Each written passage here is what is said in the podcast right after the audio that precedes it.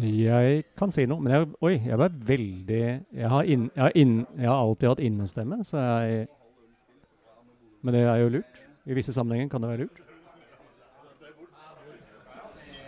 Skal jeg si mer? Nå er jeg mer.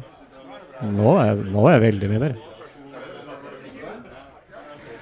Men nå Ja, det holder det nå.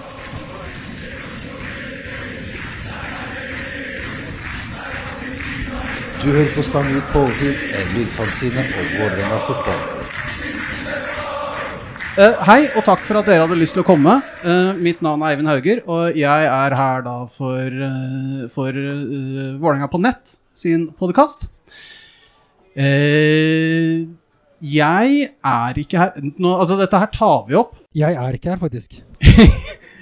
jeg er ikke her aleine, var det jeg skulle til å si. Takk. Eh, bare sånn, Dette tar vi opp, så dette kommer da ut på en eller annen ja, Spotify eller hva enn dere bruker til å høre på. Enten ved VPN-podkast eller Jon? Eller på Stang ut på overtid sin uh, podkast, Ja, for jeg er jo ikke her aleine. nemlig. Jeg er her sammen med Jon Arnes. Hei. Hei, Hyggelig. hvordan har du det?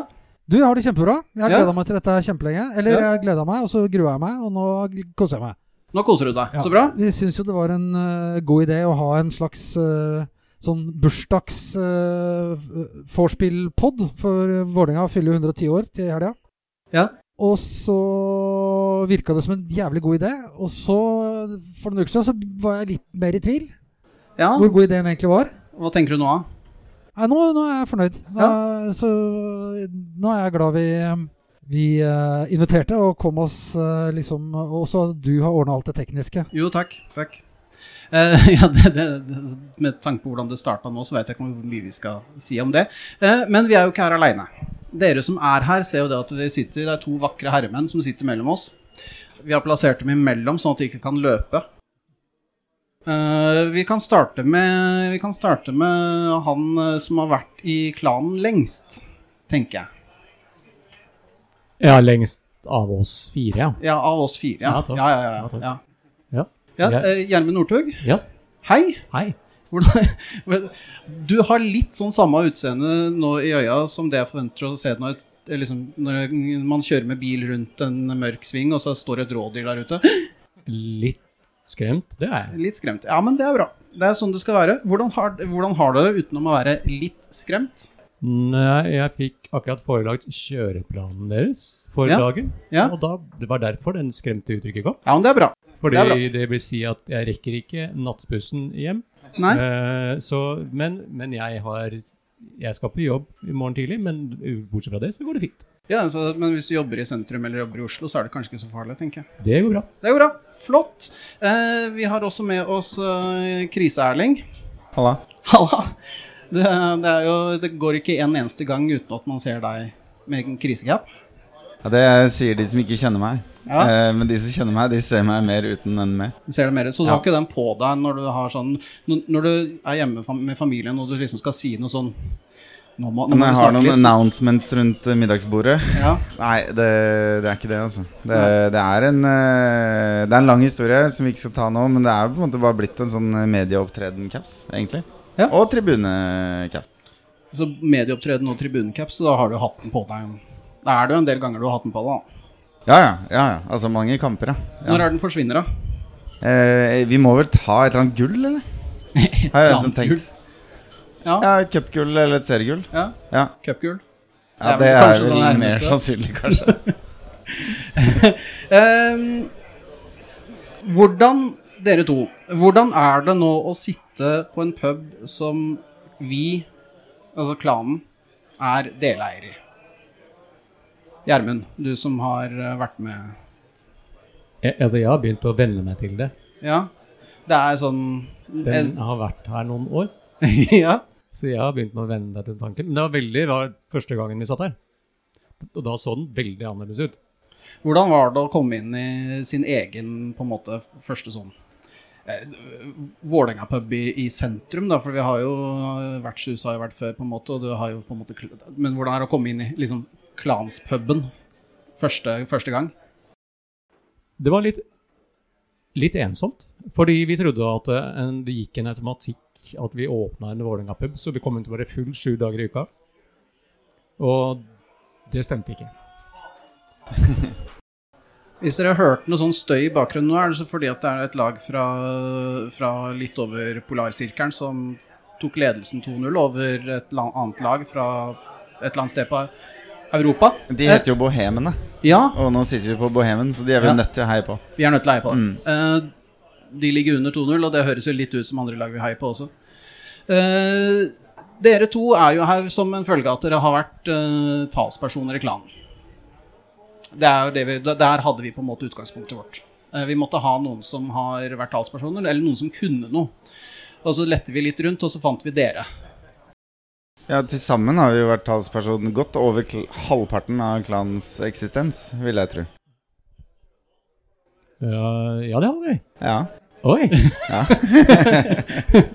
Oi. Du må ikke begynne å regne på det, Gjermund, for da bare føler du deg gammel. Jo, men, ja, men det er, jeg er gammel. Men, Men er, er, er, er, det, er det noe spesielt dere husker? Er Noen spesielle saker som dere eh, fra de åra dere har vært, hvor dere liksom har følt at som, som dere har fronta? da, Enten sånn altså forsvart på et eller annet vis, eller uh, Altså, hvis det er noe sånn spesielt artig sak, negativ sak Kan jeg si ja nå? I- Ja, alle? Du først. Nei, altså det ja, Når jeg så kjøreplanen din, tenkte jeg at den, den var litt sånn eh, det, det, det har vært så mange Men jo, kanskje den mest absurde av som jeg husker nå Vi, husker, vi hadde med tror jeg, 25 spader opp på Valle. For, for vi skal gravlegge klubben. Uh, og, så vi, vi snakker om vi, Og vi snakker nedsettende om andre supporterklubber som, som på en måte gjør dumme ting mot klubben sin. Vi skulle gravlegge klubben vår. Når var det dette var? Det var, det- det- to, to, Oi. 2000 kan, Tom Nordli. Ja, Det gikk ikke sånn kjempegodt med Tom Nordli. Da, da, da fant glansstyret ut at det var en genistrek å kjøpe inn eh, 25 spader, og så skulle vi gå opp og så skulle vi gravlegge klubben. Det er kanskje det jeg kan huske som av, av alle dumme ting vi har gjort. Ja. Så er kanskje scoren den i hvert fall jævlig høyt. altså. Det, altså, og du, du Erling, er det noe spesielt du husker sånn? Jeg er veldig fornøyd med den overskriften vi fikk da Brann rykka ned. Ja. Ja, fordi da, da husker jeg at jeg satt og tenkte at jeg må finne en setning jeg kan si som jeg veit blir overskriften i den saken. For de spurte jo om andre supporterklubber og sånn. Og da, Jeg husker ikke akkurat det jeg sa, men jeg sa noe med at vi, vi står på sidelinja og ler mens Titanic brenner og synker, eller et eller annet sånt noe. Og det ble liksom bare rett inn i overskriften. Og det følte jeg var sånn Yes, nå har jeg gjort jobben min som talsmann. Ja. Så det, det husker jeg veldig godt. Og så selvfølgelig Redd uh, ulven, skyt bønna. Den var fin. Da fikk jeg drapstrusler, gitt. Er det, er det første og eneste gang du har fått drapstrusler? sånn, Eh, det er ikke eneste, men det var en klasse for seg i mengde og antall og intensitet. Og det var jo det, Husk på at dette er den best bevæpna demografien i Norge også. Så de har jo faktisk våpen. var du eh, bekymra på noe punkt i løpet av den eh, Nei, det er jo De veit jo ikke hvor jeg er, liksom. Ja, det, det går jo sikkert bra, men, Men, men Vedum ja. Gikk ut og trakasserte deg til og med. Altså, han det, Og det var jo så perf... Det var Ja, ja, Vedum gikk ut, og så, skulle, så ble jeg spurt om jeg kunne stille mot Vedum på Dagsnytt 18. Eh, og så sa jeg ja til det, og da hadde planen min da var jo å si at eh, Men dette er jo vinn-vinn for oss begge. For han lever av å disse byen, og jeg lever av disse bøndene. Og så sitter vi der, og så får begge bare økt oppslutning i sin kjernemålgruppe. Det er jo kjempebra, hadde jeg tenkt å si til han. Men så baila han og sendte Sandra Borch isteden, som ble sittende og snakke med henne. og det var litt, det var litt nedtur. Ja, Men så du har, du har vært i TV-debatt om, eh, om um, ulvepolitikk. Eh, Ja, vel egentlig da om De prøvde å gjøre det til ulvepolitikk, men jeg insisterte jo på å gjøre det til en debatt om bannere på tribunen, da. Som det jo egentlig var. Og så eh, og, så, og så, så sitter Sandra Borch, som har skrevet en bloggpost om at um, eh, hun går i ulvepels og er stolt av det, eh, og snakker om at vi må roe tonen i debatten fordi det, er så, det blir så ukoselig. Ja. Og det, da fikk jeg faktisk henvendelse fra et politisk parti etterpå. Som lurte på om jeg hadde vurdert å gå inn i politikken. Eh, så jeg tror Jeg tror kanskje Sandra Borch ikke vant eh, den debatten. Nei, men det høres, det høres fint ut. Men det er veldig gøy, da. Det er jo, det er jo da det er morsomst å være talsmann i klanen. Når bare alt brenner rundt, bortsett fra Vålerenga. Og du kan bare kaste bensin på bålet, liksom. Det er det, da er det morsomst. Da, da har du det gøy. Ja. ja, men Det høres bra ut. En ting jeg har lurt litt på. Ja. Det er hvordan altså det, Som dere sier, så har dere vært til sammen så har dere vært talspersoner i løpet av ja, i hvert fall halvparten av klanens eksistens. Eh, hvordan har rollen endra seg opp gjennom åra? Hvis den har endra seg? Har vi mye tid?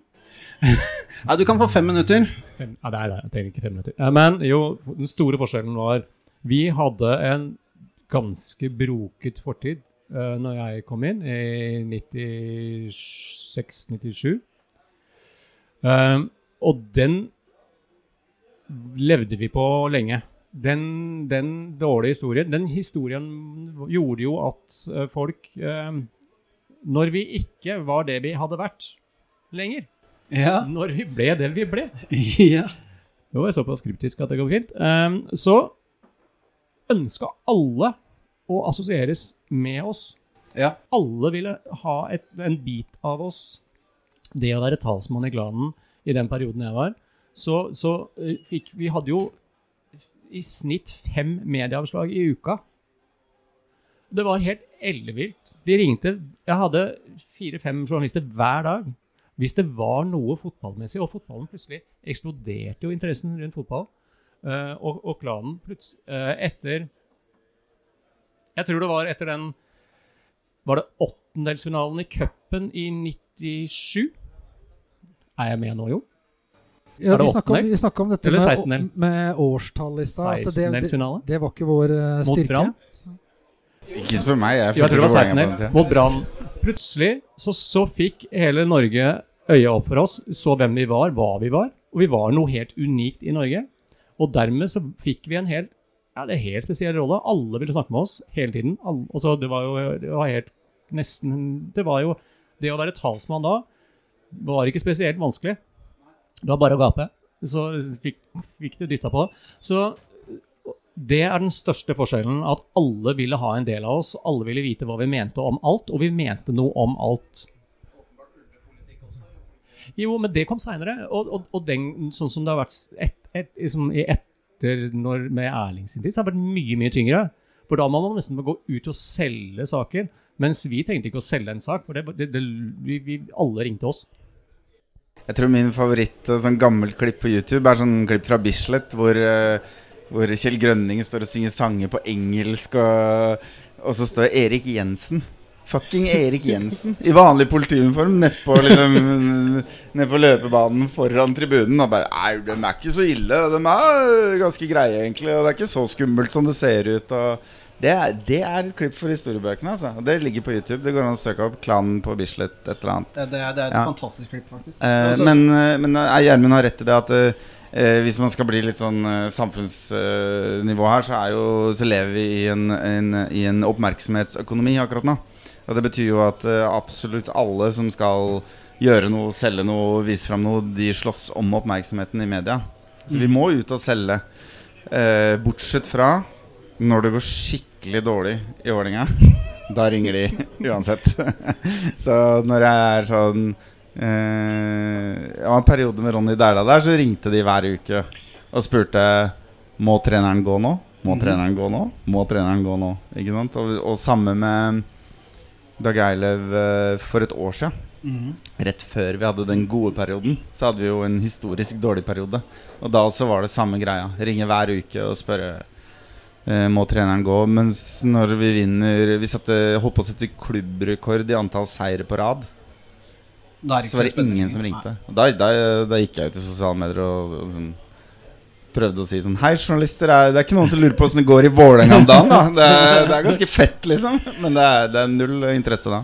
Eh, Tidligere i år så var- drev jo klanen og boikotta en TV 2-journalist. Ja. Eh, gjorde dere det samme? Uh, Altså Var det noen journalister dere hadde på sånn eh, svarteliste at hvis, hvis denne personen ringer, så Jeg var på NSA-seminaret et år. Det er jo en gang i året, så jeg har jo Norsk Supporterallianse seminar. Og så hadde han Rikard Jansen i Stabekk Han hadde talsmannskurs. Dette var før jeg var talsmann, men jeg syntes det var interessant. Og da Da, sa- da åpna han kurs med å si før, uh, før jeg begynner kurset, så vil jeg at alle skal notere ned dette nummeret og lagre det som ikke ta den. Og så var det navnet til hun um, uh, Susanne et eller annet i NRK. Uh, bare hun, Hvis hun ringer, da er det for å lage helvete for klubben din. Så det er bare å drite i å snakke med henne. Så det, man, man gjør seg jo noen tanker kanskje etter hvert rundt hvilke pressefolk du kan stole på. da Noen så kan du si sånn Ok, off the record så er det sånn. Nå skal du få sitatet, og da skjønner de sitatet, og så trykker de det i en relevant kontekst. Og så gjør de det på en måte med det for mål å opplyse best mulig, da. Og så er det andre folk som er litt mer sånn at de, de graver og stiller samme spørsmålet fire ganger til du formulerer det som noe de kan vri til en dårlig Og det noterer man seg bak øret neste gang man snakker med dem. Men jeg har, jeg har vel personlig aldri boikotta en journalist. Nei. Eh, eh, jeg skal også Hæ, Morten Stokstad? Ja, Han ringte aldri meg, tror jeg. Han turte ikke. Han har sendt meg DM-er basert på hva klanen har tvitra. Men det har jo handla om hans oppførsel på julebord og sånn, så det, det er liksom Det er, det er ikke ja. Han jobba jo for så vidt som journalist da, så det er jo sånn sett litt relevant, kanskje. Ja, ja. Men, men når du, du snakka om eh, det med at de ringte når det gikk eh, dårlig, men eh, sånn for eh, en eh, ti dager siden, når vi ansatte en ny trener, kilte det lite grann i telefonpekefingeren da? Skulle du ønske at du kunne svare? Det må ha vært litt gøy å være talsperson da? Jeg fikk jo et par telefoner fra Ja. folk som ikke hadde fått med seg at eh, jeg hadde gått av for noen måneder siden. Eh, og jeg var jo i den stormen da vi ansatte Dag Eilif Fagermo. Ja. Eh, og det er jo gøy. Altså Forutsatt at ikke ansettelsen er en kriseansettelse, så er det jo gøy. Fordi da plutselig ringer hele Medie-Norge for å, for å prate om noe hyggelig. Ikke sant? Og det mm, Forutsetter selvfølgelig at man er glad i oppmerksomhet og litt PR-kåt og sånn, men du blir vel ikke talsmann i klanen uten å ha litt av det innabords, Gjermund? Han, han, han nøler. Jeg trenger ikke å si noen ting. Nei, nei. Men har det, Gjermund, har du noensinne blitt eh, sånn eh, vekket på en solseng av at telefonen ringer og det er noen som skal ha en, eh, ha en uttalelse? For altså, det å være talsperson er jo ikke en liksom du, du har jo plutselig ikke tre uker ferie midt inni der. Nei, det har du ikke. Men, men samtidig så, så er det jo sånn at eh, eh, du kan forberede deg ganske godt. Du mm. vet sånn noenlunde Du vet, du følger med du vet, I hvert fall på den tida så hadde vi så godt samarbeid med klubben at vi visste var alltid i forkant. Vi visste jo hva som kom til å skje. Men, men nei, ja, det, var aldri ferie. Det var, eh, familien var forholdsvis drittlei. Må medgis. Så det er jo en det er jo, Du orker ikke sånn kjempelenge. Det vil si Erling orka uhorvelig lenge, men vi andre normale vi orker ikke mer enn Nei. sju-åtte år. Men de sju-åtte åra du var der, da gikk vi jo fra å være en ganske liten vet ikke, gjeng som drev eh, og bestilte busstur til eh, bortekamp. Hadde en bitte liten eh, butikk i Storgata og var rundt 1000 medlemmer med stort og smått. Til å bli en ganske svær organisasjon etter hvert. Altså, du gikk fra å være liksom noen som organiserte tribuneliv, til å bli mer eller mindre en eh, Altså en sånn medlemsorganisasjon som var så svær at vi liksom var en kraft å regne med. Eh, der må det ha vært noen voksesmerter eller et eller annet som skjedde underveis. Eh, når var det liksom det store skiftet kom fra å være en liten gjeng hvor du kjente nesten alle på nikk, til å liksom sitte der med en, som leder for en stor supporterorganisasjon? 97. Rett og slett. Svara hvitt. Cupfinalen. Ja, ja, altså etter 97 så, så skjedde det noe helt dramatisk. Altså, folk, for det første så våkna folk og skjønte hvem, hva vi var, og hvem vi var. Ja. Alle ville ta del i det. Um, da var da det eksploderte. Altså, vi sto da Vi hadde fremdeles et medlemsregister som ble ført på, Det var dog en gammel Remington Nei, det var ikke det var, det var en datamaskin. Eh, men, men alt ble ført for hånd, ja. Eh, alle Hvis folk ikke betalte et år, så fikk du telefonen fra en i glansstyret. Så ringte, og sa Ja, ja. personlig oppmøte. Nei, dette går ikke. Må betale. Hvor mange medlemmer var det? Nei, vi var, vi var starta på 1300. Eh, og så økte det drastisk. Og så gikk det opp til 13 000-14 000 i løpet av ganske kort tid. Men ja, det gikk nesten ti år, da. Men, men, men det var mye voksesmerter når du ikke har et medlemsregister som på en måte gikk elektronisk. Vi hadde ikke noe betalingsløsninger. Det var liksom Alt var fra steinaldernivå. Så det måtte Det var jo måtte si Det var jo for så vidt min jobb. eh, fordi på tribunen hadde jeg ikke noe å bidra med. Du hadde når du hadde liksom, Kjell og Jørund og, og den gjengen der så det var ikke noe sånn, På tribunen trengte man ikke noe bistand, men det å bygge, og, bygge en organisasjon, Ja. det, det var jo en kjempejobb. Så det var Og der Jeg tror ikke vi skal inn i den den, den gang, for det, det, det blir ganske omfattende. Jo, skal vi ikke det? Var det det som var din liksom hovedjobb? Å bygge organisasjon? Ja, for, for som sagt, på, på tribunen så hadde vi de beste folka i landet. Ja. Vi, det, var ingen, det var ingen på nærheten av oss på, på, på, på den tidas TIFO og det vi hadde jo Vi hadde, vi hadde på en måte et Kommunikasjonskanalen vår, Klansropet, var jo der. Uh, så vi kunne kommunisere med medlemmene våre.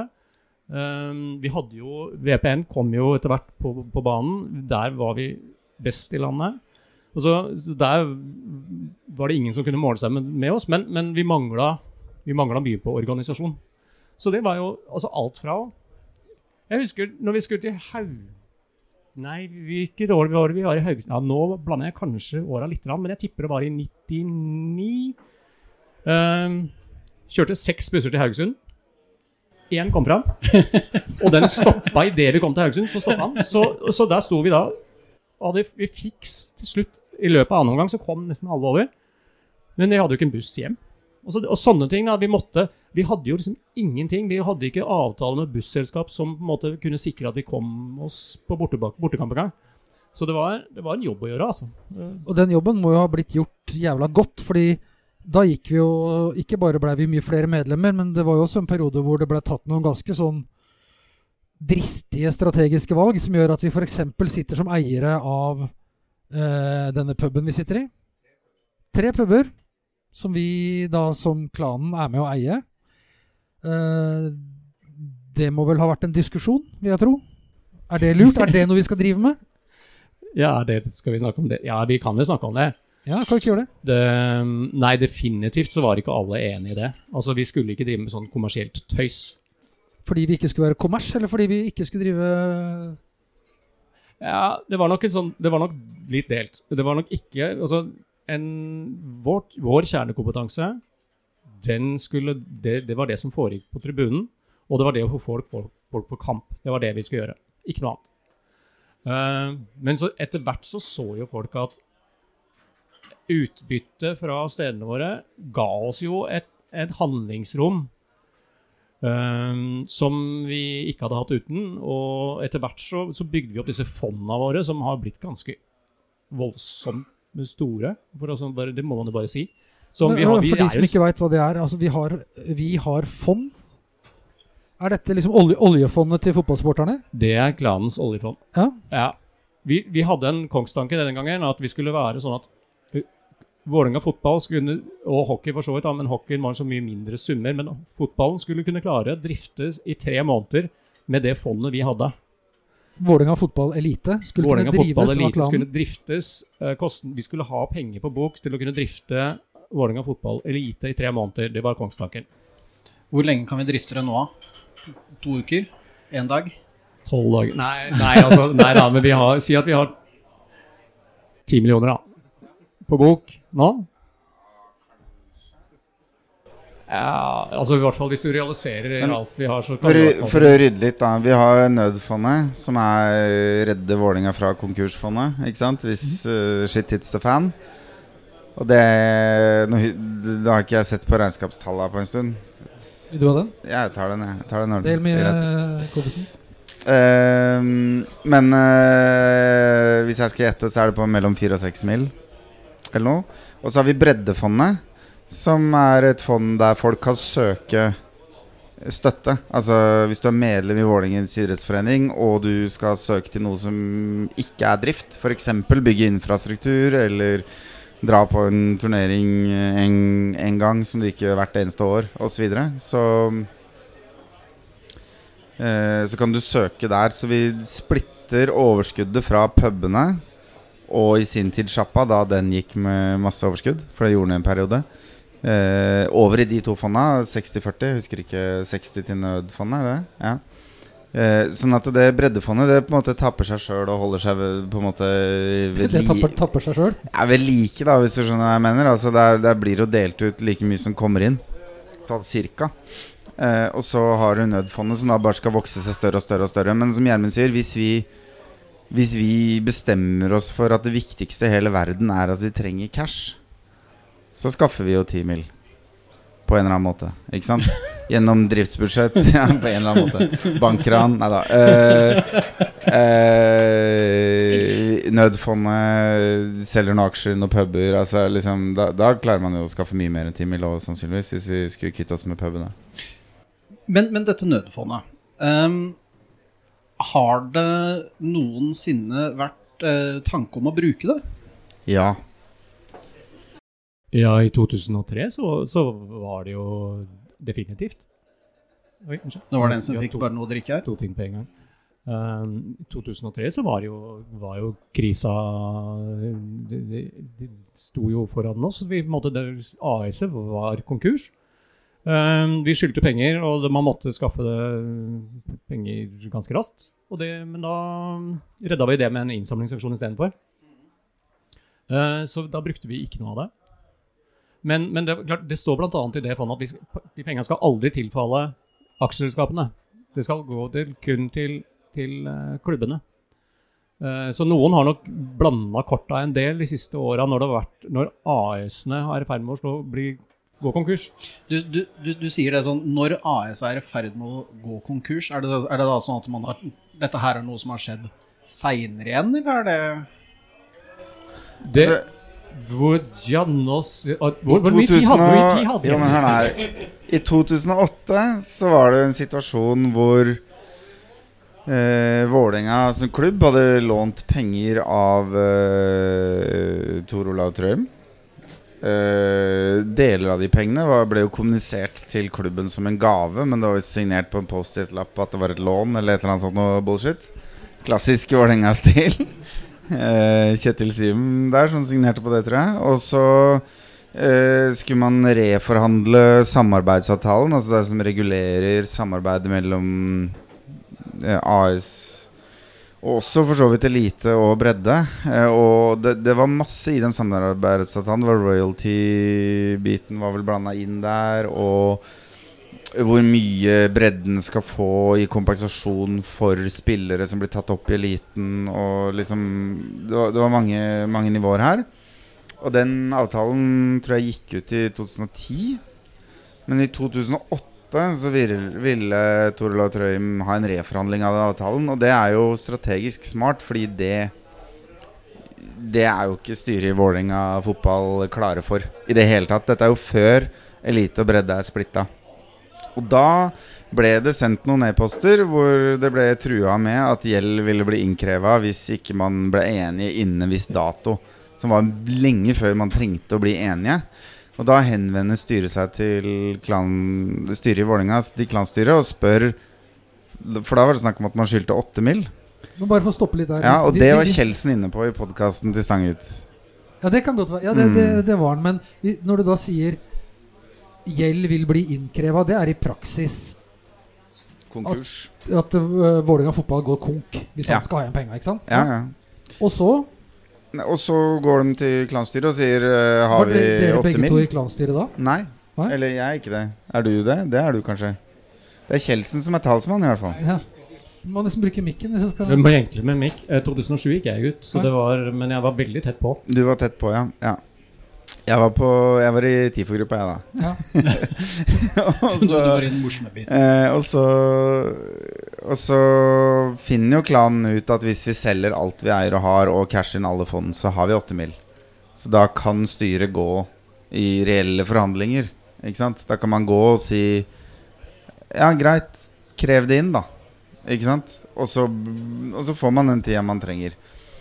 Og, og da var det uttalte målet til Vålerenga fotball Det var å løsrive seg fra investor. Eh, men de ønska ikke å starte den kampen sjøl.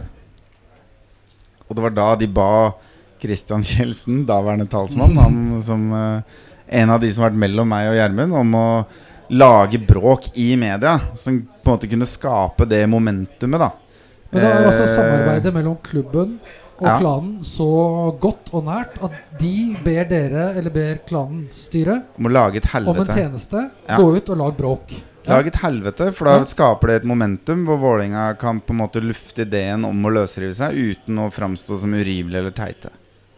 For da har allerede noen andre lufta ideen, og det er uttrykt som sterkt og ønske. Sånn. Det er da du får den der eh, klassiske overskriften. Hvis du bare googler 'rumpekjørt i London', så, eller fra London, så, så, så finner dere overskriften eh, Kjeldsen blir eh, sitert på der. heller ville Ja. gjøre et eller annet i Obos. Heller et år i førstedivisjon enn rumpekjørt fra London, er vel overskriften. Og så feiger styret ut Styret i, i Vålerenga. Og da blir eh, Kjeldsen Ja, stående igjen aleine og idiotforklart, da. Som ah, skjønner ingenting og eh, Han må jo skjønne at investoren er en gave til klubben, og nå går han på akkord med klubben og alle sånne. Så han har fått mye kjeft opp gjennom åra for den uttalelsen, men det ikke så mange veit, er jo at det var på ønske fra Vålerenga at han faktisk gjorde det. Um, så det er den ene gangen vi vurderte å bruke nødfondet. Og så Men hva hadde resultatet vært da, hvis, hvis det hadde kommet til det? Hadde da klanen på en måte vært da hadde vi jo kanskje ikke eid Bohemen lenger, da. Nei. Altså måtte jo kanskje solgt de aksjene. Ikke sant? Jo, hadde jo ikke hatt noe nødfond. Det hadde jo vært annerledes. Det hadde jo kosta mye. Og så Sånn som klubben har vært drevet siden, så er det ikke sikkert det hadde eksistert i dag heller. Men, eh, men eh, det er jo interessant, da, for det, det gikk ikke upåaktet hen hos investor. Sånn at da vi i 2014, og da satt jeg midt i det i styret, i hvert fall ikke som talsmann Ehm, Når vi da i 2014 uh, ble trua med konkurs, så gikk man jo til Tor Olav Trøim og spurte om han kunne redde klubben. Og da svarte han ja, han ville se om folk brydde seg.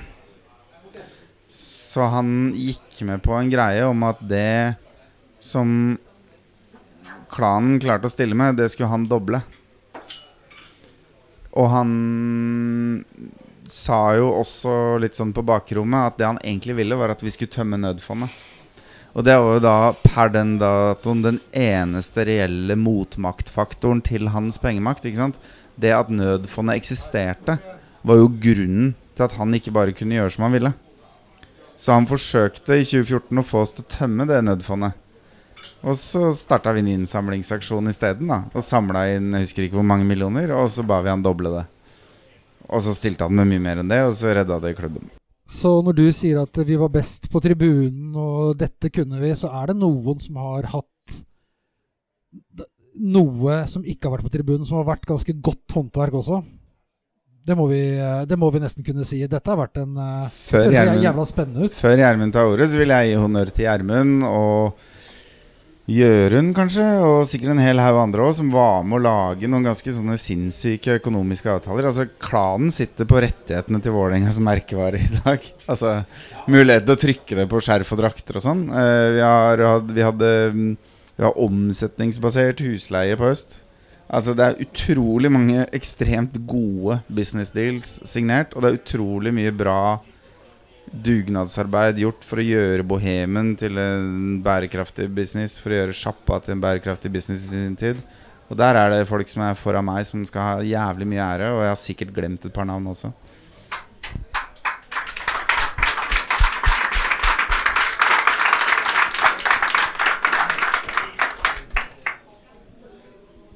Nå ble? Gjermund så rørt at han måtte ta en slurkøl.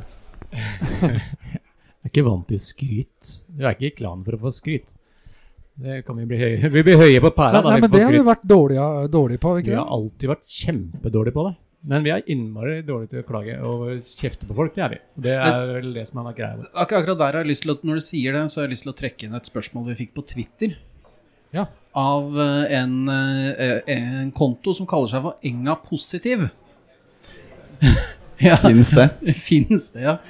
Hvorfor fremstår mange supportere som sutrete? Er det ikke viktigst å dra lasset sammen i motgang? Gjermund, du som sa det at, da, at det snakka litt om sånn positivitet. Da. Jeg tror at det er kun de som sitter veldig veldig tett på, som veit hvor mye jobb som legges ned. Eh, og så er det dessverre sånn at de som sitter veldig veldig tett på, ikke er så flinke til å skryte av hverandre. De eller vi heller. Uh, mens eh, alle andre nok eh, Altså, de ser det ikke. Jeg tror klanstyret Jeg vet ikke hvor mange timer, arbeidstimer som legges ned av klanstyret hvert år, men det er ganske mange. Eh, og, og arbeidslaga, selvfølgelig. Men så du, du, du tar ikke den jobben fordi at du er, forventer anerkjennelse. Altså. Det, det gjør du ikke, dessverre. Eh, men hvorfor det er sånn, det veit jeg ikke. Det er vel sånn vi er, vel sånn vi er lag. At hvis ikke ting kommer eh, sånn som vi vil ha det, så klager vi. Og det er vel på en måte Ja, sånn det er. Så er det noe med at eh, du jobber jo med de tinga som ikke er bra nok. Ikke sant? Det som funker, det funker til en viss grad. Og da fokuserer man jo på det som ikke funker, prøver å gjøre det bedre. Og så snakker man om det, og snakker om hvorfor man gjør det. Og da snakker man jo bare om alt som er dritt. Hele tiden. Altså det Men når jeg leste det, så tenkte jeg Men det er mulig at jeg, jeg har så vanskelig for å, å være negativ, men jeg syns jo det har forandra seg litt, jeg, da. Jeg syns jo jeg ser positivitet eh, rundt meg overalt eh, i Vålerenga for tida. Eh, selv nå som det jo egentlig går kjempedårlig, så er det jo folk på kamp. Og de, det er ikke sånn at man står etter kampen og skjeller ut spillerne og krever en forklaring og sånn. Det er jo, det er jo en veldig sånn ja, Eller det, det kunne vært langt verre, i hvert fall. Syns jeg, i hvert fall. Mm, Ja, men da går vi nok tilbake til kultur. Hvor, hvor vi har vært innmari strenge og klare på at vi, vi, vi klager ikke, og vi, vi kommer ikke med noen negative ytringer før kampen er over. Men i kampens sete så, så støtter vi laget vårt. Så det er liksom en annen, litt annen greie. Vi er ikke bergensere. Nei, ikke sant? Men okay, så kan man si at ok, så har det kommet noen sånne småting siste tida med at folk kaster ting på banen og sånt, sånt tøys, og det har kommet noen mishagsytringer i, i kampens hete som er sånn som er u, det er litt, vi er litt uvant med, og det håper jeg vi kan slutte med. Men, men, men sånn historie mange, mange, mange ganger har du hørt folk skryte av den jobben Erling har gjort, da? Nei, altså, nå, nå var jeg på tribunen. Tre. Men, men, ve veldig sjelden. Altfor sjelden. Ja, ikke sant? Og det, det, det syns jeg vel folk rundt bør være flinke til å skryte av de som sitter i utsatte posisjoner. Absolutt.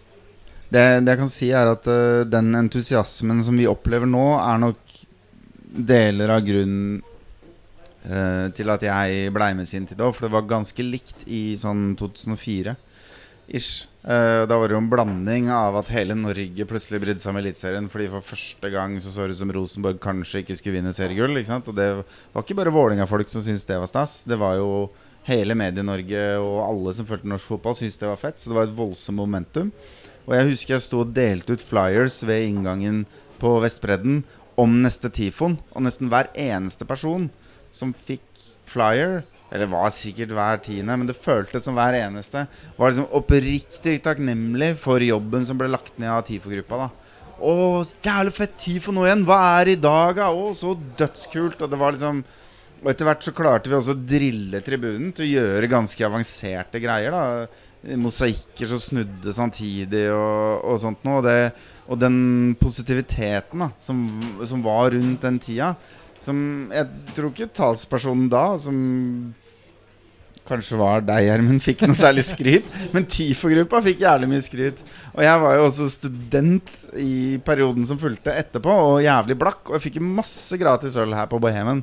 Bare i kraft av å være i TIFO-gruppa.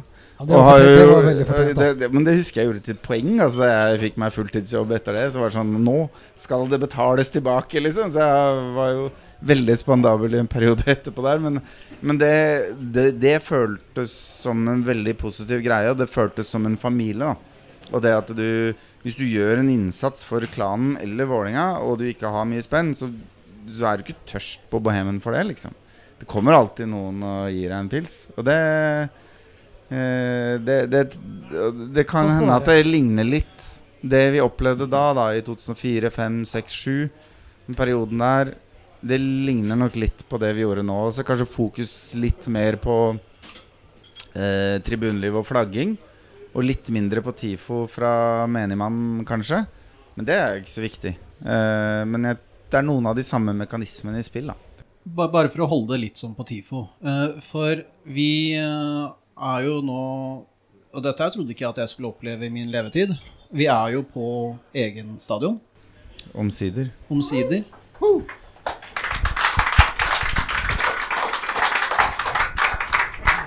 Og den Vi har gått fra å være på Bislett med løpebaner til, eh, til Ullevål på to tribuner. Og en, altså langside og kortside. Til nå å være samla på én tribune. Hvordan syns dere den reisen der har, eh, har vært? Nå brukte ordet reise, jeg liker ikke å bruke det. Uff, nei. Hvordan syns dere, den der, hvordan syns dere det har vært å gå fra, altså, gå fra eh, Bislett til å ende opp på østblokka? Jeg vet ikke om du står det på østblokka, Gjermund? Å, unnskyld. Nei, jeg bare Shots fired. Å, den, den satt. Ja, Ja, takk. Vi ja. gamle, det er noen av oss gamliser som tør det. ja, det var det jeg lurte på. Det Ja. var noen av dere som turte å stå der fortsatt? Ja, da, vi tør det. Ja, det var så bra. Hva syns du? Nei, det oh, Det blir vanskelig. Fy fader. Det syns jeg på en måte det blir så vanskelig å. Det, det, var, det var lagt ned så enormt mye jobb i det. det jobb, vi ble jobba jeg, jeg vet ikke hvor mange timer vi la ned i det prosjektet der, men det var da helt vanvittig. Så, og det Det var jo Du kan si opp mot Når var det dette, dette Var det i 2008 dette vedtaket kom? Um, hvis Da, da vi snakka vi om at vi skulle rekke 100-årsjubileet til Vålerenga. Ja, ikke sant? Jo, men hvis ikke folk hadde Hvis vi ikke hadde hatt den historien vi har Hvis vi ikke hadde hatt det negative, alt det negative vi har hatt, dratt med oss da, av, av negativ omtale Unnskyld, jeg må bare stå litt, jeg var så krampe i beina. Uh, hvis vi ikke hadde hatt alt som vi dro med oss fra 90-tallet, eh, inn i 2000-tallet, så hadde vi ikke hatt den politiske makta som vi hadde, som gjorde at det ble mulig. Og det, det tror jeg kanskje vi, folk underkjenner litt, måte, hvor, hvor viktig vi var. Med det, når var det vi hadde dette Vi hadde I Valhall så hadde vi vel det årets største politiske begivenhet, altså største politiske valgkampsarrangement, i 2007, da, må det ha vært. Um, og det brukte vi enormt mye tid på for å få i gang. Eh, Apolitiske klanen. apolitiske klanen. Jo, men, men, men da satt Da kom alle politikerne. Det kom altså alle som kunne krype og gå i Oslo. Kom, alle journalister kom. Uh, uten det så hadde det ikke blitt noe stadion. Uh, så det er klart, vi hadde en enorm uh, makt på den tida. Det må vi bare medgi. Det og at vi slang en million kroner på bordet for å gjennomføre prosjektering av stadion. Hvis ikke så hadde ikke klubben hatt råd til å regne på hvor mye det kosta å bygge den. Ja, ikke sant? Jo da. Jo selvfølgelig begge deler. Men, men, men, men vi hadde en- det at vi var så enormt mange, og at journalister hadde en ærefrykt, eh, og politikere hadde en ærefrykt fordi vi var så kraftfulle, det hadde en enorm betydning. Og, det, og så hadde vi selvfølgelig penger. Det gjorde jo ikke noe. Men, eh, men, men, men til sammen så gjorde vi at vi Og vi brukte jo også Jeg vet ikke hvor mange leserinnlegg vi skrev. Det var mange på den tida, vi, vi, vi, Plan- og bygningsetaten hadde vi jo et kjempetett dialog med, og de brukte veldig mye av vårt underlag for å på en måte, når de skulle måte, finne en, en god plassering av stadion, og hvor vi skulle være. Så jeg, altså, den jobben vi la ned der, den, den tror jeg ikke du skal underkjenne på noe vis. Når det, når det kommer til plassering av stadion, så var det jo ganske mange gode forslag, da. Ja, du kunne få se den, altså Vi lagde jo en, vi lagde et hefte vi, som vi sendte til Plan og bygg, og de brukte jo nesten ordrett, og de brukte nesten alt vi skrev. Og eh, vi hadde jo Filipstadkaia, selvfølgelig. Kaja selvfølgelig det- Ja, altså, vi, også tenker jeg, for- fordi jeg tenkte litt på Hvis man ikke skulle hatt stadion på Valle, hvor skulle den vært da? Hva er, det- hva er det den beste plasseringa vært? Den, Det ble overs det ble foreslått oppå sporene bak Oslo S. Det, det, Den er- det er min favoritt. den Ja. mulighetsstudien som da ble lagt ut, den, den Det er vel 12 11 eller 12 forskjellige steder. Det var mange spennende steder. Altså. Det var Da husker jeg var litt ung og dum, og så så jeg det bildet, og jeg bare Å, shit, så fett det hadde vært. Og så var det en eller annen som prikka meg på skulderen og bare Det der skjer ikke. Det er bare Vi kunne jo også ikke hatt uh, Sørenga, var det ikke sånn? Altså lagt det der. Og det var også et forslag, var det ikke det? Jo, og jeg var jo så heldig at jeg jobba i Entra på den tida og hadde Erik Løfsnes som, som direktør. Og han, uten den jobben han la ned, så hadde det kanskje aldri blitt Altså hadde vi aldri kommet i gang med diskusjonen engang. Så, så det, er, det er masse tilfeldigheter. Men jeg, jeg blir jeg blir smått provosert når Lyn går ut og klager sin nød fordi vi fikk dette gratis. Og jeg skal love at det var ikke gratis. Det er bare å begynne å jobbe, det, kjære dere, på vestkanten. For dette krever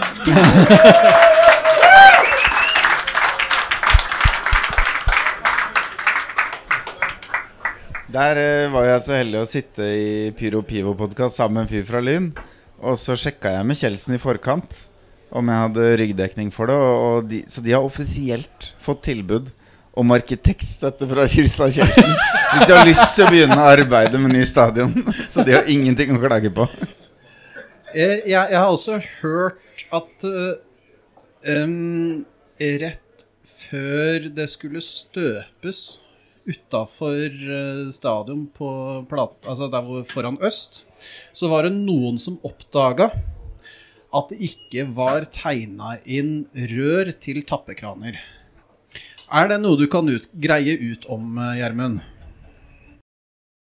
Um, ja Ja. Jo, det kan jeg. Nei, eh, ja. Det offisielle tegningssettet som entreprenøren hadde, der var det ikke tegna inn. Men på mine tegninger så var det tegna inn. Og det var litt klønete. Han scora Bodø-Glimt igjen, ass. Det var også litt klønete. Det var klønete. Um,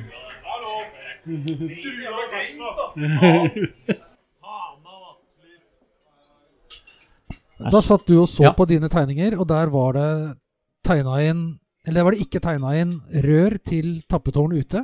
Ja, nei, på mine, Det- tegning, på mine tegninger var det det, men, men det hadde Altså, i en eller annen overføring fra mine tegning, mitt tegningssett til entreprenørens tegningssett, så hadde det ikke blitt med. Og det gjaldt flere ting, det, altså underveis i den prosessen. Men, men altså, bygginga av Øst er det så omfattende, så det kan vi ikke begynne å snakke om. Det er en helt nydelig Men det er fortsatt en helt nydelig historie at du på dine uh, tegninger så, altså, Hvordan hadde du klart å få de røra inn på din, mens på de offisielle så var det ikke? Eller på entreprenørens sin så var det ikke? Hadde du sittet og tegna litt sånn på fritida? Ja, altså jeg var prosjekt- og byggeleder for Øst, sånn at, sånn at jeg på en måte Alt fra å liksom skaffe entreprenører til å skaffe tegninger, og alt dette gjorde vi jo sjøl. Um, så det er en Men jeg tror ikke vi skal inn på de detaljene nå. Men, men, men, men jo, altså vi, vi hadde tegningssett som var komplett, og så var ikke det overført. Så det, det er jo helt riktig som det ble sagt. Vi, vi, natta før det skulle støpes, så skjønte vi at dette ikke var riktig, og da fikk hadde Kjeldsen et tegneprogram som kunne overføre det, dette til riktig målsatte tegninger til entreprenør, og så gjorde vi det morgenen etter, og så gikk alt fint. Men ja, et, av alle detaljer. Sett litt fra utsida, da, så fikk jeg lov å være med på ett sånt møte hvor det liksom lå masse tegninger oppå hverandre på et svært bord i forskjellige farger og som så veldig sånn proft ut. Og så satt vi der og pekte. ikke sant? Her kan uteserveringen starte og barnehagen slutte og sånn. Og så ble det ikke Det ble ikke sånn i det hele tatt. Fordi det var noe mm, jeg tror det var noen retningslinjer på hvor mye plass barnehagen måtte ha og sånn, som trumfa litt. hvor mye uteservering vi kunne ha. Og nå har klubben lagt beslag på en del av uteserveringsområdet og, og sånt noe. Men eh, det, det husker jeg veldig godt. At det, det å sitte i et møte og få være med og peke på og bestemme hvordan Vålerengas neste stadion skal være, det er et privilegium. Og så var det For Gjermund var det veldig mye jobb. For meg var det bare å dukke opp på et møte og peke litt og mene litt. Eh, så for meg var det privilegium. Sikkert det for Gjermund òg, men han jobba definitivt mye mer, da. Men hvordan er det Eh, i dag, Gjermund, når du kommer opp Eller første gang du kom opp på stadion liksom skulle åpne, husker jeg spurte Kjeldsen om også, han klarte ikke helt å beskrive det, men husker du uh, åpningskampen? Liksom følelsen av at nå har vi faen meg nå har vi gjort det. Nå er nå står den her. Jeg husker jo det innmari godt, men, men da, da var det nesten like viktig meg at Øst åpna samtidig. Samme dagen. For det hadde vært en Vi fikk ikke skjenkebevilgning uh, før dagen, dagen før kom den. Så det var jo et sant mareritt å få alle, alt i orden. Men, men, men det å være på egen stadion, det var helt absurd. Så det, det er vanskelig å beskrive hvordan det Og det syns jeg fremdeles. Jeg synes jeg er nesten like overraska hver gang jeg går på kamp nå. At vi faktisk har vår egen stadion. Men, men, men, men mer den derre opplevelsen vi har nå på vår egen stadion, som mange tar for gitt. Og så folk glemmer hvordan det var å være på Ullevål. Hvor, hvor du da kom fra byen, du dro opp dit, du var på kamp og dro ned igjen. For det var ingenting, det var ingen grunn til å være der. Mens nå har vi en, har vi en, en stadion hvor du faktisk du kan være hele dagen.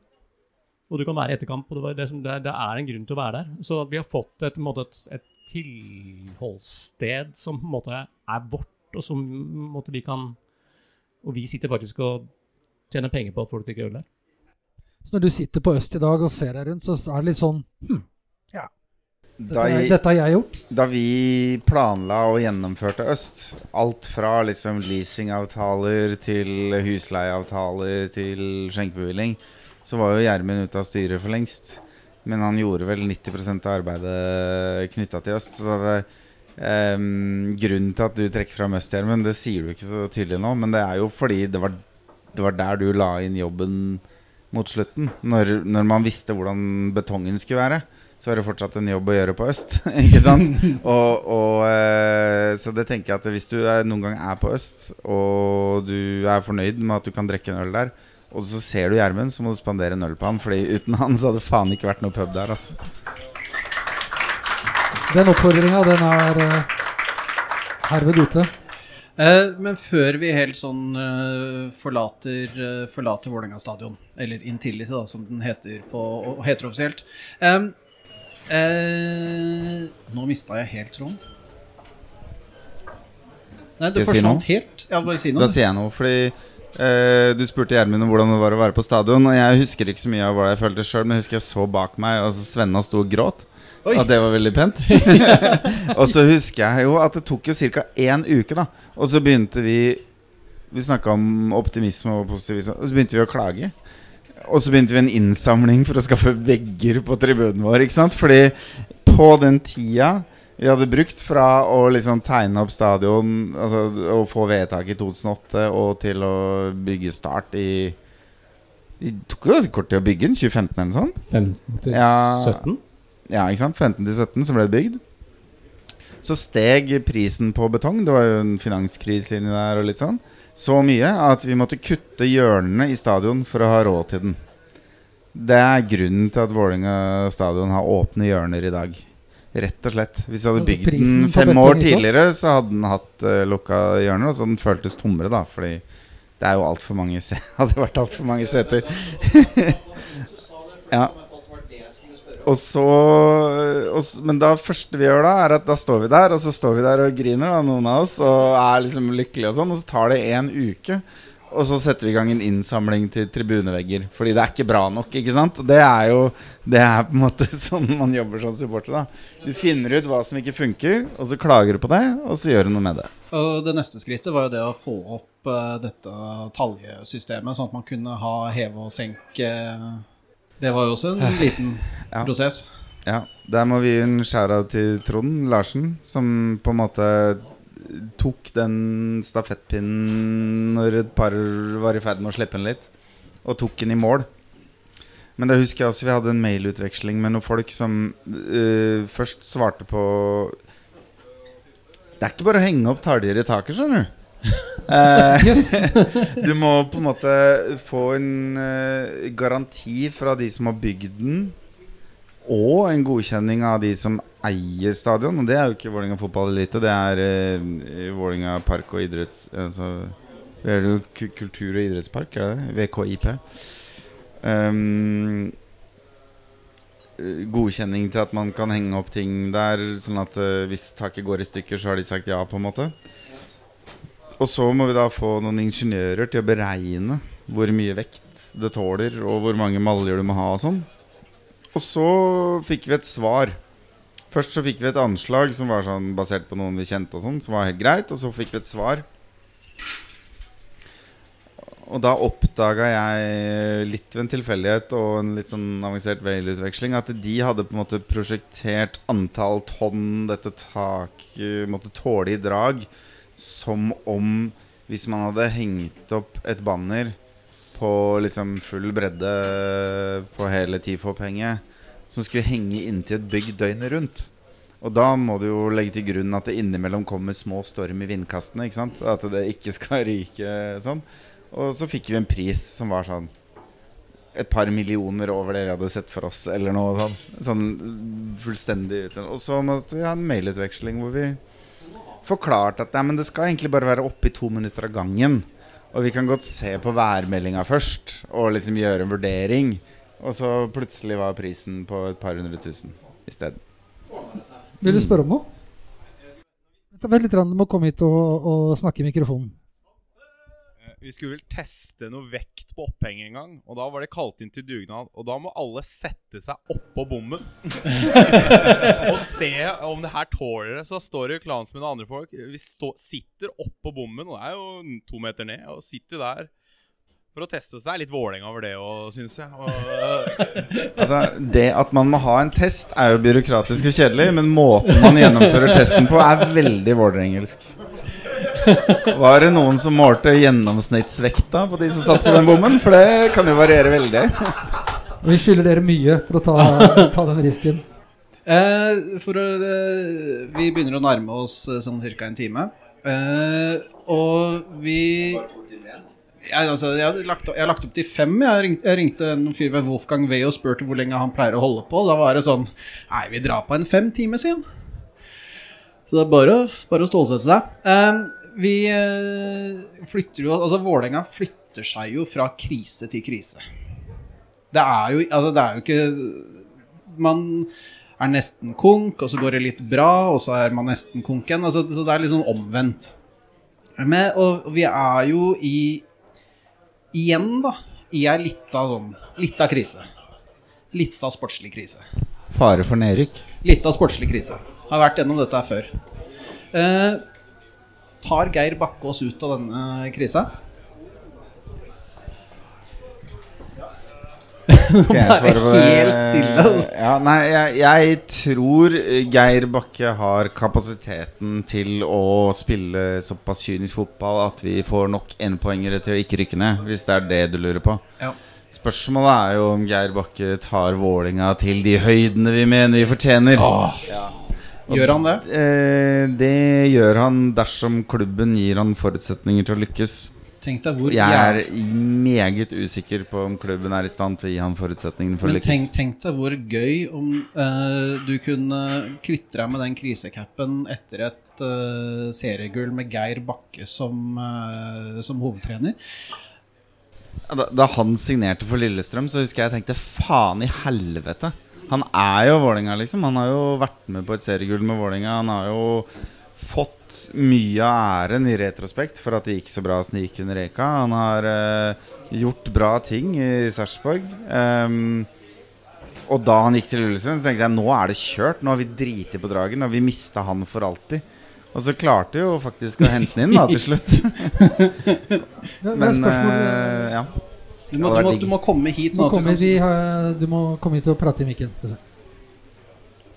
Navn? Uh, kjerka. På Twitter, da. uh, kjent som kjerka blant alle i Vålerenga. Uh, nei, altså Det er jo eh, mange måter å løse krisen på. Eh, men eh, skal vi starte med å løse eh, det som er en krise, så er det én ting å gjøre. Eh, og det er sikkert flere her som vet hva det er. Jon vet det sikkert. Eh, Nå vil jeg gjerne at uh, du kommer med ditt forslag. jeg. Skal vi se. Uh, ut med SPC! Ut med SPC! Ut med SPC! Ut med SPC! Ut med SPC! Ut med SPC! Tror dere det hadde Det var da en spontan, et spontant forslag fra salen her. Eh, Er det noe med organiseringa av Vålerenga fotball elite som gjør at du sier at treneren har vanskelige arbeidsforhold? Som gjør at vi også får sånne eh, reaksjoner? Eh, ja, altså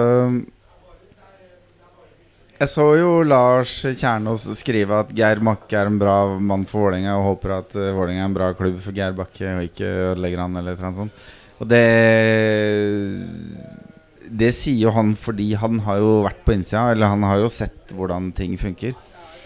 Eh, akkurat sånn som det er nå, så ønsker jo jeg Erik Espeseth ut av klubben, og det er jeg ærlig på. Eh, men det er ikke Han er på en måte et symptom, da. Grunnen til at jeg ønsker han ut av klubben, er jo fordi jeg syns han har gjort en dårlig jobb, og fordi det er et historisk ræva arbeidsmiljø, og vi mister bra folk. Ikke sant? Så vi klarer ikke å drive godt. Og, og så er det problematisk at man har en fyr som er daglig leder både for AS og klubben samtidig. Det skaper en del rolleproblemer, men det er et mye, mye, mye, mye, mye større problem at klubben ikke kan drive langsiktig og forutsigbart på egne vilkår ut fra en egen strategi uten at noen kommer seg inn og blander seg inn. Både i den overordna strategien og i det helt konkrete sportslige. Altså ned på laguttak. Enkeltspillere som skal selges. Men det, det skjer Og, ikke. jo, og det, da er vi på investornivå, ikke sant? Eh, Tor Olav Trøim har helt konkret bedt trenere om å benke enkeltspillere. Kødder du nå? Nei. Og han har ikke bare gjort det, men han har satt det som en betingelse for å bidra økonomisk. Ikke sant? Og det, det må jeg innrømme at det Nå ble det stille på Bohemen. jeg har alltid, jeg har alltid tenkt at uh, den investormakten, da, det derre skillet hvor investoren ikke skal bidra på det sportslige? Han skal kun forholde seg til det administrative. Det var en så viktig kommentar at jeg fikk en øl for deg. Ehm, det har vært på en måte indirekte makt, da. Ikke Ja. sant? At øh, øh, de ber om penger til en satsing. Og så får de penger til den satsinga hvis investor liker det de ser. Og det er på en måte en makt som alle som forsvarer dualmodellen, er villig til å forsvare, eller i det minste svelge som en kamel. Da. At sånn er det. Men jeg må innrømme at jeg har etter hvert oppdaga at, uh, at det er mye mer direkte og mye mer detaljstyring enn som så. Og da og, og vi alle har Alle, sier jeg. Mange har hørt historien om hvordan Martin Andresen ble trener, f.eks. Jeg Da var Erik Hamren på Gardermoen okay. klar for å signere som trener i Vålerenga. Så kom det en beskjed fra sidelinja fra mannen med pengene om at nei, vi skal ha Martin Andresen som trener. Så måtte man ringe Erik Hamren og si nei, sorry, du må bare bestille. Vent, vent, vent, vent. Altså, Flybillett tilbake i, isteden. noen i klubben som jobber med det sportslige, har forhandlet med Erik Hamren Som på den tida var mm, Han gjort det Det var vel ikke samme han samtidig som han var i Rosenborg. Det var vel, han var vel slutta i Rosenborg tidligere. Et år tidligere eller noe sånt. Ja. Men han hadde jo en suksesshistorie bak seg. Absolutt. Eh, og var ankjent som en god trener. Og han, var, da, han hadde faktisk satt seg på flyet og landa på Gardermoen før han fikk beskjed om at nei, vi skal ha Martin Andresen isteden. Og det kom som en beskjed fra pengemakta. Eh, og, og dette er jævlig viktig å få fram, da, fordi det er utrolig mange som sier at hvis ikke Vi, vi må takke Tor Olav Trøim for at klubben ikke er konkurs. Ikke sant? Og ja, Ja, det må- må stemmer til en viss grad. Det gjør det. Han har redda klubben ved noen enkeltanledninger. Fram til 2014 så var han og Jon Fredriksens For det var Jon Fredriksen før han sitt totale bidrag inn i Vålerengas budsjett ca. 4% Det høres jo veldig lavt ut i forhold til hva jeg Ja, men det er jo enkeltbeløper her og der ikke sant? som Ja. er store der og da. Men poenget er at 4% av driftsbudsjettet, det, det kan du jobbe inn. Det kan du organisere deg ut av. Du kan si opp folk, du kan selge billetter, du kan spare inn, du kan, du kan gjøre en innsats. Etter 2014 så er bildet et annet, bare så det er sagt. Men det er jævla viktig å forstå at når Martin Andresen kommer inn døra der, så er det Han kommer, og det kommer et par spillere med han, men det er på en betingelse. Det er bare hvis styret er villig til å satse. Nå må dere satse. Og så Jeg trodde det var det vi liksom et eliteserielag drev med hele tida. Ja, ja, og så satser man, da. Og så er satsinga underfinansiert, ikke sant? Så da får man masse spenn. Men med en betingelse og en forventning om at man bruker enda mer. Og det er et budsjett som bare går i null hvis man vinner seriegull tre år på rad. Ikke sant? Og det gjør man jo ikke. Og så får man et underskudd. Og så kommer man da inn som en god samaritan og redder klubben fra konkurs i etterkant.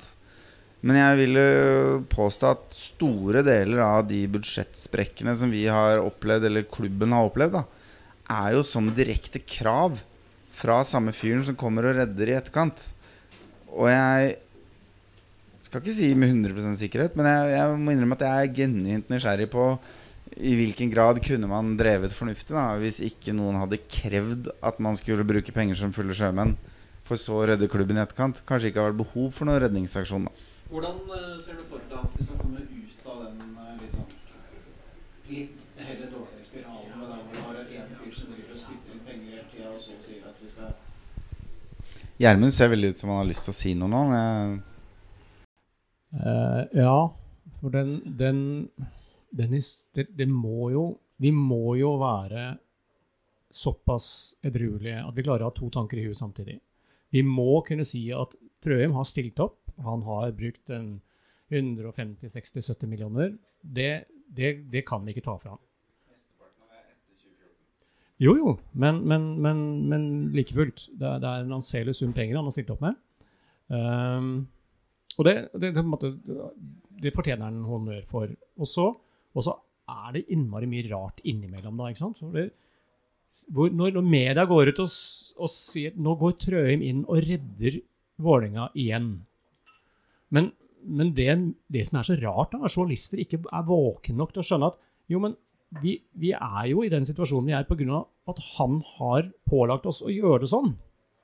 Så det er liksom pussig. Han har stilt opp, og han har lagt inn masse penger, men det er han som har skapt denne situasjonen. Så det er liksom, vi, vi må kunne si takk, Tor Olav, du har vært kjempeflink, og tusen takk for alt. Men samtidig så har han vært med å, hindre at vi ikke kommer videre. Uh, og hvordan skal vi da komme videre når denne avtalen er ute i 2018? Det er jo det som blir Unnskyld, 2028, det er ti år fra. Ja. Men uh, Hva er det med årstallet? det er disse, disse, disse desimalene. Nei, vi må vi, det Jobben som må gjøres nå, er at vi har en avtale. Den, den står der. Den får vi liksom ikke kommet oss ut av. Uh, men vi må jobbe videre nå. er vi, Hva gjør vi i 28? Når den går ut. Og det er den jobben som vi er nødt til, alle sammen, å på en måte bli med og jobbe positivt for. Så uh, hvis vi tenker oss da sånn som vi, Hvor lang tid hadde vi? Nei, bare, bare fortsett, du. Det Dette er, det er du som skal på jobb i morgen, ikke Ja, vi. det var det. Ja, det. Eh, sett hvordan Molde gjør det, da. Der er eh, Røkke og Gjelsten, eller i hvert fall Røkke, skyter inn en viss sum penger. Si, jeg tror det er 50-60-70 millioner i året. Uf, altså, vær så god, gjør hva dere vil. Eh, dermed så har, kommer de til Europacup-spill hvert år. De har et uh, utstillingsvindu for spillerne sine. De kjøper og selger, og de går med overskudd. Uh, det virker jo mye smartere. Han, altså, Trøim er jo ikke noe tulling. Han kan butikk. Så han er kanskje den råeste forretningsmannen som vi har sett. Kanskje den mest kyniske òg. Hvorfor gjør han det ikke sånn som i Molde? Det er sånn, for meg er det helt ubegripelig. Hvorfor putter han ikke inn det som trengs for å nå et visst nivå, og så, og så sikrer vi at vi kommer til Europa hvert år, og så har vi et utstillingsvindu, og så selger vi spillere. Hvorfor gjør han ikke det? Det er sånn der, er, Hvor vanskelig? Jeg har ikke gått Harvard, men det har han.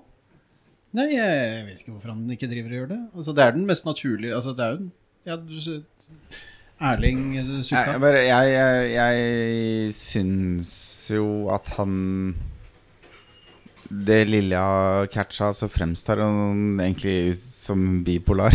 altså, han, eh, når, når han gjør det dårlig på aksjemarkedet, så plutselig er det usikkerhet rundt om Vålerenga-budsjetter. Ikke sant? Eh, han tar beslutninger um, Det, det fins eksempler på at man har avtaler om kjøp av spillere, eller i hvert fall liksom har sondert terrenget.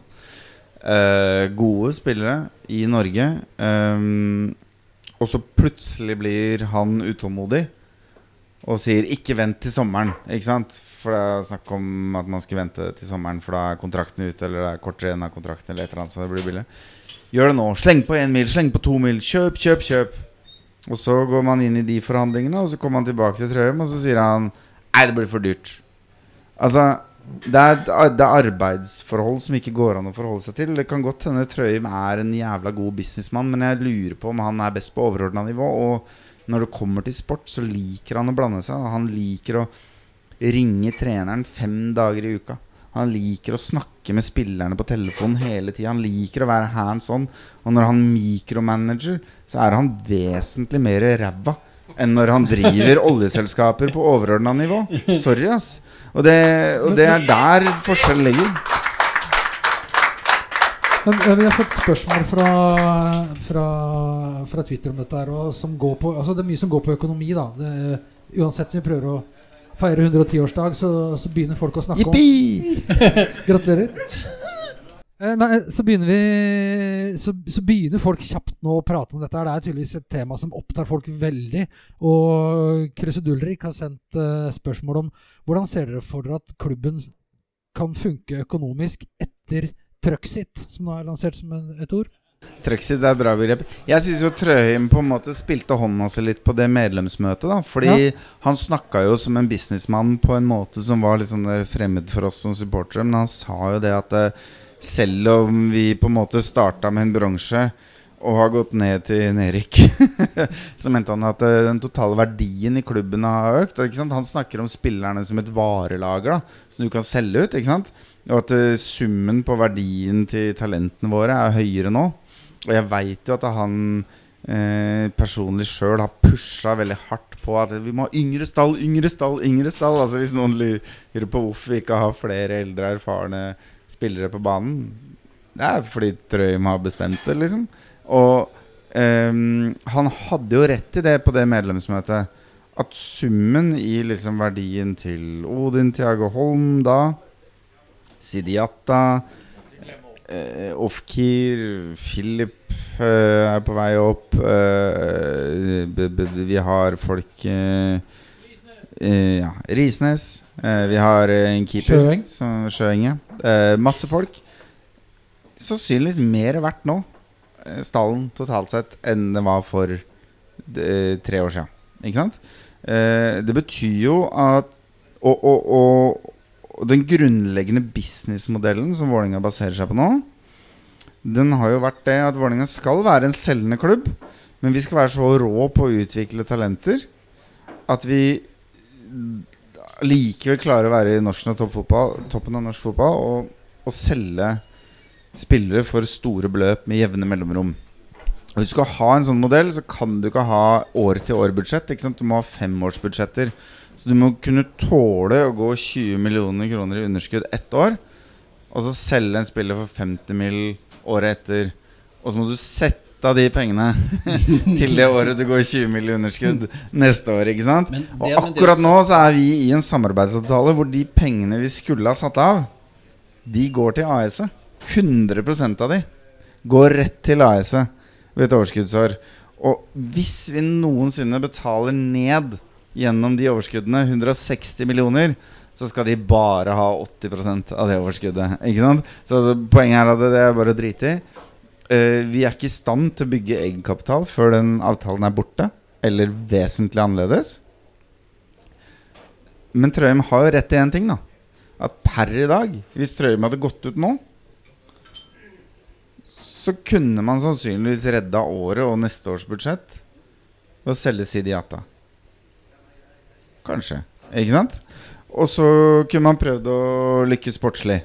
Og så har vi fortsatt et par spillere i stallen som man kunne solgt. Men da snakker vi om Vi snakker om sjuendeplasser de neste fem åra, liksom. Mens man etablerer noe bærekraftig. Altså, misforstå meg rett, det blir ikke noe suksess over natta. Men det er mulig det har jo ikke blitt, uh, hvis du ser der tilbake heller. Altså, Nei, vi regna på det, og siden Martin Andresen-perioden så har vi ligget på Jeg husker ikke om det ble 6,9 eller 7,1. Ja. Altså, vi, vi har blitt nummer 7 i snitt med den modellen vi har i dag òg. Men det er mulig å etablere en bærekraftig, Ja. solid økonomi med den spillerstallen vi har nå, men da innebærer jo det å selge fra seg medaljeplass uh, i overskuelig framtid, og så håpe at man på en måte bygger momentum i talent raskere enn man selger unna. Eh, og så skal vi være klar over at en del av penga vi bruker i dag, for det er jo innimellom er det noen ganske gigantiske underskudd, er jo resultatet av direkte dårlige deals som skjer fordi det er et press fra investor.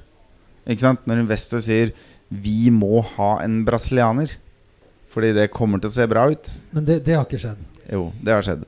Eh, så får vi Vitinho, ikke sant? Og det er ingen som vet om Eller ingen utafor Vålerenga i hvert fall som veit om han kan spille fotball på et nivå vi trenger. Kan godt hende han bare sitter der på benken til evig tid. Jeg veit ikke om han er bra, Ja. kan, uh, Men, men det er jo et par millioner ut av vinduet, da. Men han, Og- og, spørre sånn til Vitinho, han er jo Han er heldigvis da bare på lån ut året. Er han på lån? Ja, han er på lån. Å, vi eier han ikke engang, nei. Nei, ikke sant? Ja, nei, da kan du se.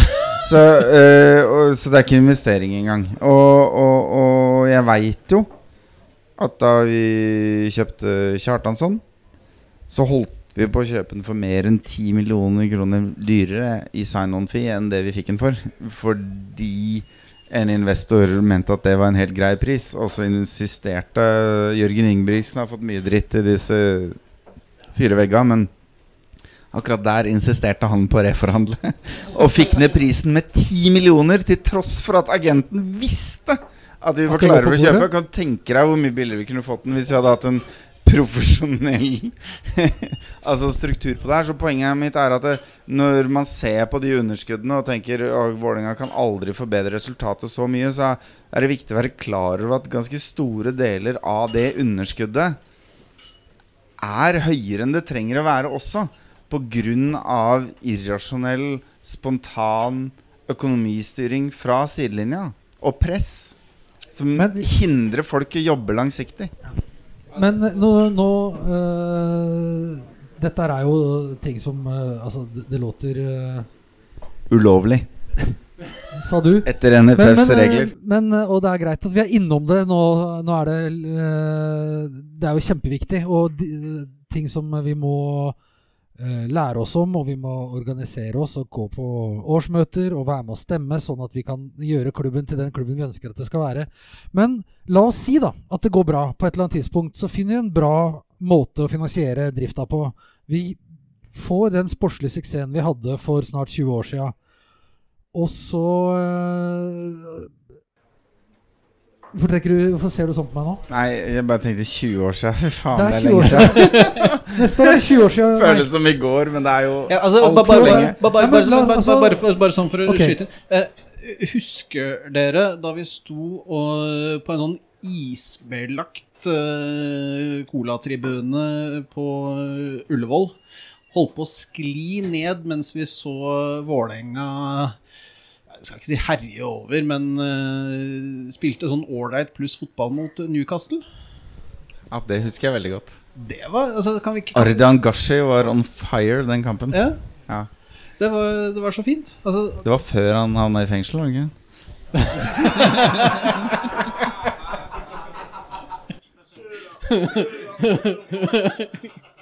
Det var rett før han havna i fengsel. ja. Så god var han. Nei, men eller, La oss si at, vi, at det skulle skjedd igjen, da. Eh, hvor eh, Du har vært med på Europacup med Vålerenga i Æsj, jeg hater sånne spørsmål. Ok? Men, eh, men la oss nå se. Da, oi. Ja, men det er mange ganger. Ja. Men Ja, Hvor, hvor kjørte dere da? vi kjørte til London. kjørte til London. Ja, vi kjørte, kjørte buss. Over vannet. Nei, for det, for det var ikke alle som hadde penger til, til Nei, men du kjør, altså dere kjørte til London. Jo, men da fikk vi låne en buss, og så kjørte jeg her eh, til London. Og så fikk vi Ja, det ble jo en sånn økonomitur. Ja, så, så, så, så det var bill... jeg, prøver, jeg prøver dette, Nå prøver jeg å vanne Ja, ja, men, Dette- jo, jo, dette men her det er ikke- alle som drakk like mye som, ja, men som dette her er ikke et regnskap som går opp, føler jeg. Fordi du kjører da fra Oslo, og så kjører du til eh, nedover kontinentet, og så kjører du Via Sverige, Ja, gjennom Danmark, Danmark, Ja, Tyskland, og så- Frankrike. Tyskland, Nei, nei, nei, nei, Frankrike. altså, nei da. Nei da, nei, Nei da. Nei, nei, nei, det går, det går sånn der buss og båt, båt fra, fra Danmark over til, eh, over til Ah. eh, England. Så det var, det var mulig eh, hvis Jeg hører at noen s- kremter om at det ble ikke så billig, men det var mulig å gjøre det billig. Hvis man ikke drakk for mye. Derfor kjørte, kjørte vi med, satte, Vi vi låne en buss, eh, og så kjørte vi rundt, og så fikk alle sett kamp, og så kjørte vi hjem. Det er liksom da Jeg føler at det tar konseptet ta buss til kamp litt sånn ekstra. Det er jo ikke noe lenger enn å kjøre til Bodø. Men vi kjører jo ikke til Bodø. Nei, vi kjører jo ikke til Bodø, var det jeg sa. Nei da, men vi kjørte til London, det er sant det. Og det men, men ja, nei, men Europacup Vi har vært på noen Europacup-turer opp igjennom, eh, heldigvis. Eh, Det er, det er gøy, det. Det gleder jeg meg til neste gang. Tessaloniki. Oi. Det kjører jeg ikke buss. Da kjører jeg ikke. der der du kjørte buss. Men hva er din topp tre? eh, borte- Spør Nimo i baren her om hvordan han sov i Tessaloniki. Eh, din topp tre, topp tre bortekamper i Europa. Hva er, hva er det liksom de største opplevelsene du har hatt med, som Vålerenga-supporter i Europa? Nei, Det går jo ikke an å komme og så oss det var- det var makeløst. Var du der? Ja. Eh, og så ja, London, Chelsea Men så på tredjeplass! Hvem tar vi der, da, tro? Altså, jeg har aldri vært med Vålerenga ut i Europa. Bucuresti. Bucuresti var jævlig gøy. Men Newcastle var ikke kjedelig, det heller. Nei, jeg vet ikke. Jeg, topp Du, du, du anbefaler å kvalifisere seg til Europacup? Ja. Høyt. Gra, grat, gratis Og, ravkopp og dra, ikke minst. på. Arnold Schwarzenegger Stadium. Å, det var gøy, det. Det var en eh, Ja, nei, Det var en vi, fin har tur. mange, vi har mange, mange fine turer. Så det, neste gang vi skal dit Det kan, det kan jo ligge an til Men den viktigste oppfordringen her ikke sant, er jo ikke at Vålerenga skal kvalifisere seg til Europa. Det er på en måte en konstant oppfordring. Men det er at hvis Hvis de skulle finne på å gjøre det, så må dere selge det dere har av hus og koner og bil. Og dra. For det blir minne for livet uansett. ja, altså det, altså det, Jeg angrer på at jeg ikke gjorde det. Sotra Way. Jeg føler Det, det var sikkert gøy på Sotra, men jeg, jeg føler at, det, at det, er, det er litt å gå på eh, til, eh, til Nei, Det er ikke Arnold Schwarzenegger Det er ikke Arnold Schwarzenegger det er Stadium, altså. Det er uh, det var, vi, vi har fått noen uh, vi, vi, vi, har spørs, vi har fått noen spørsmål på Twitter eller på sosiale medier, eller noen som har sendt hverandre meldinger på, eh, på Messenger-appen. Eh, Erling, hvilken tittel liker du best? CEO eller Admdir?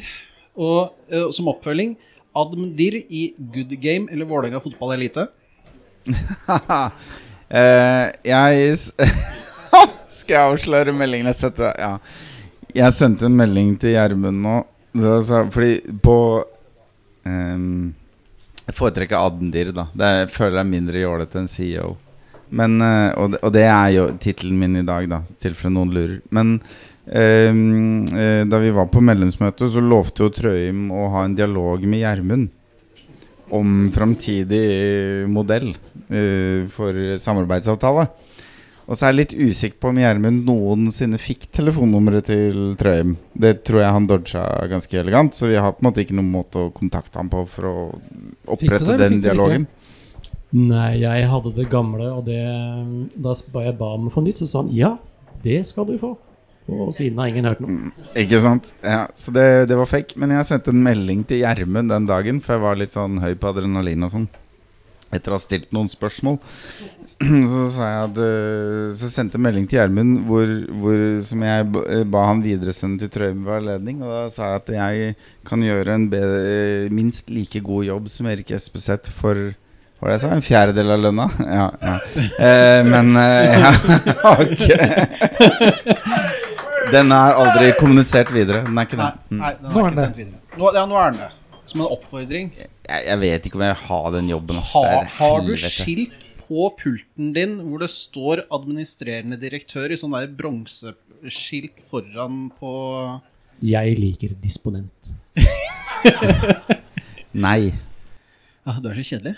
Eh, vi begynner å nærme oss sånn ca. 1 12 eh, time. da har vi tatt eh, Da har vi varma opp, ja. Nå er vi klare for de virkelig tunge spørsmåla.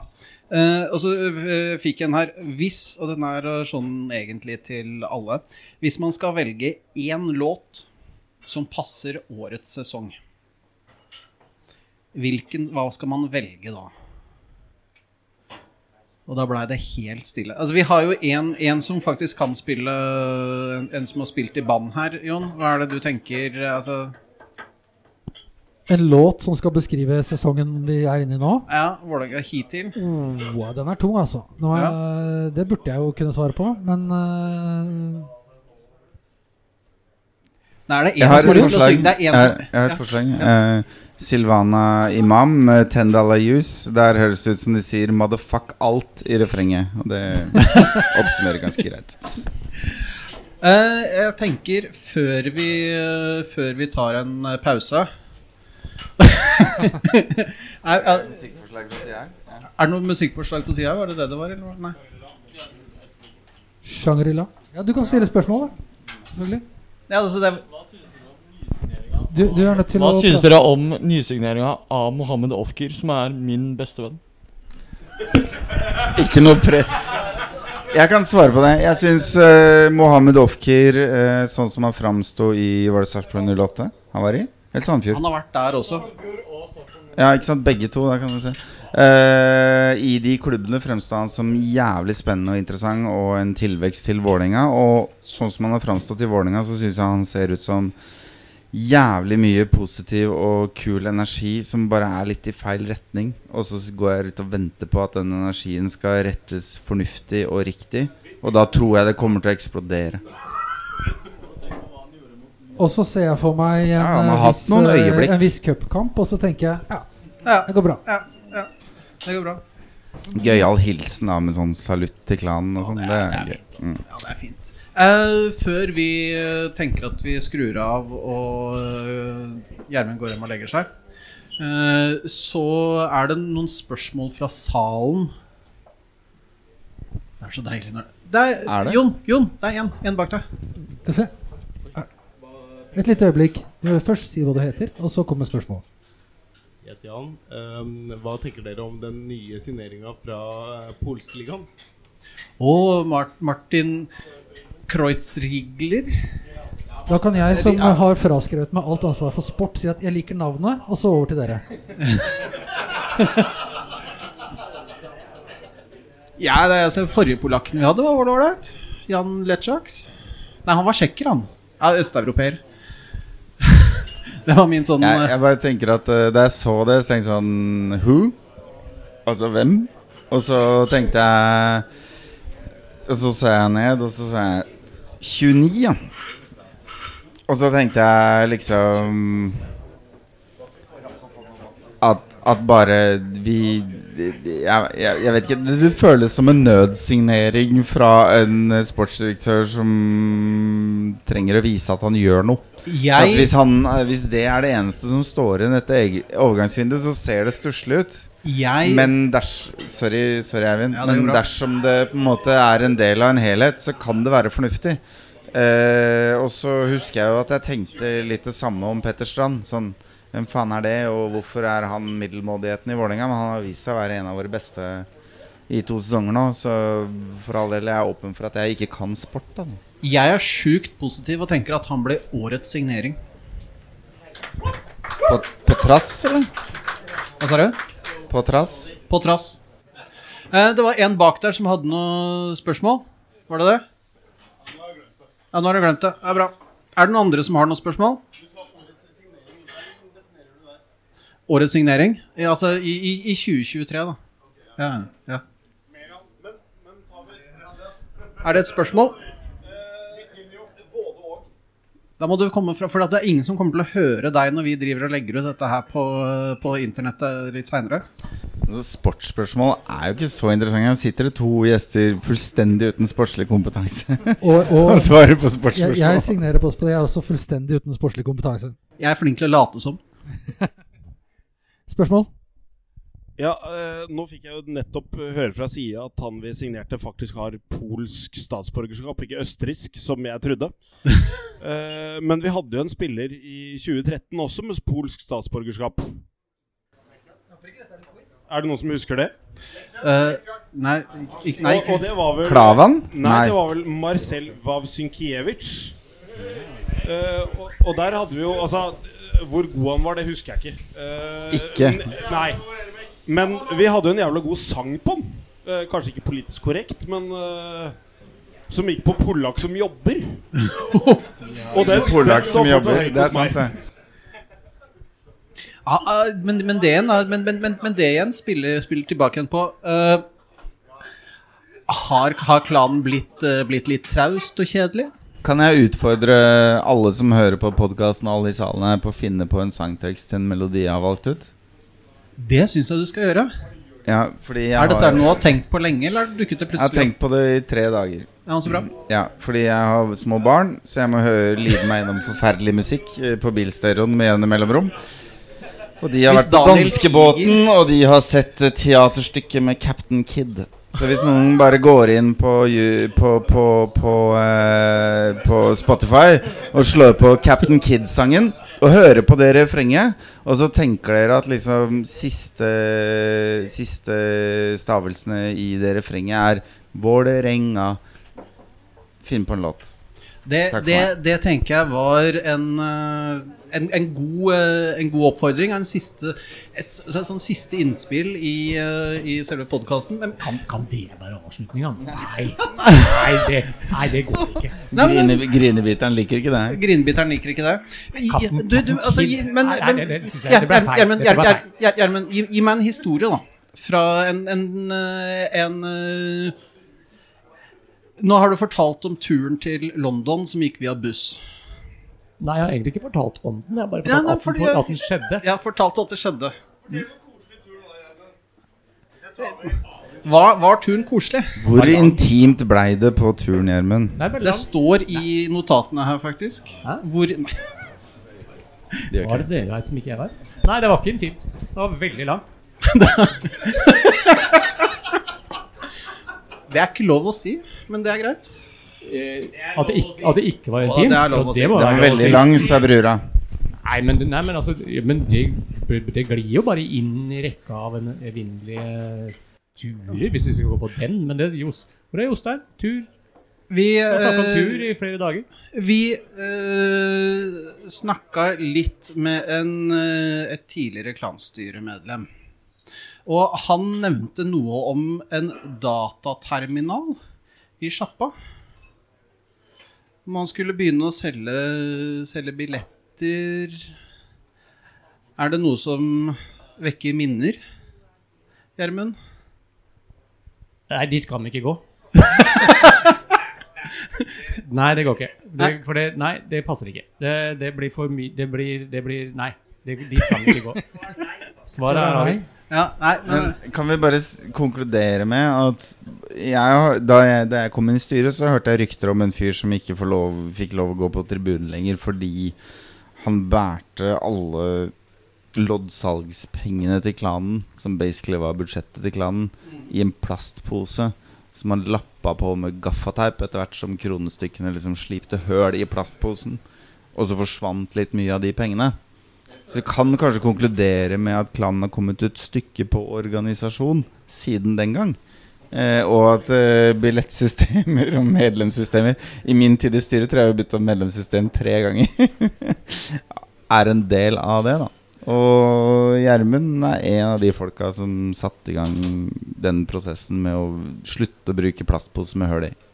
Dette har altså vært da Gjermund Northug og Erling Rostvåg. Jeg syns eh, vi skal altså, som, som Erling nevnte, dette er folk som får altfor lite kred når de holder på. Så jeg syns vi skal gi disse to folka en god applaus.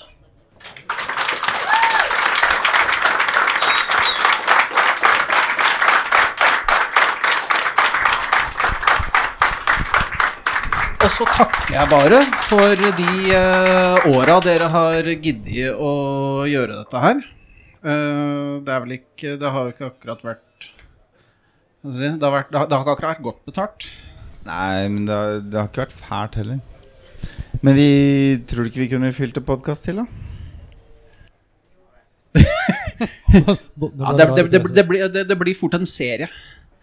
Og så øh, må vi jo satse på at vi Trakk du Skulle du si noe nå? Nei, at vi ses på, på lørdag. Så fyller vi 110 år.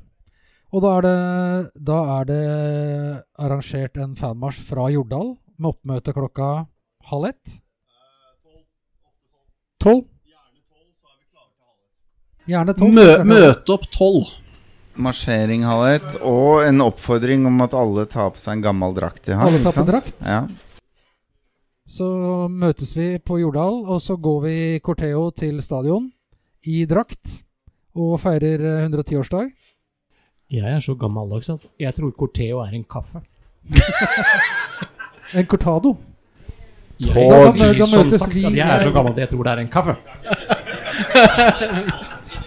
Jeg bor på Grünerløkka, så jeg også tenkte det var en slags kaffe. Tog kaller vi det. Fanmarsj. Ses vi? Yes, eh, Takk for at Tusen dere takk. gadd å møte opp og hadde mer eller mindre gode spørsmål. Eh, takk til dere som hører på dette her etter at vi er ferdig. Eh, ja, takk. Takk.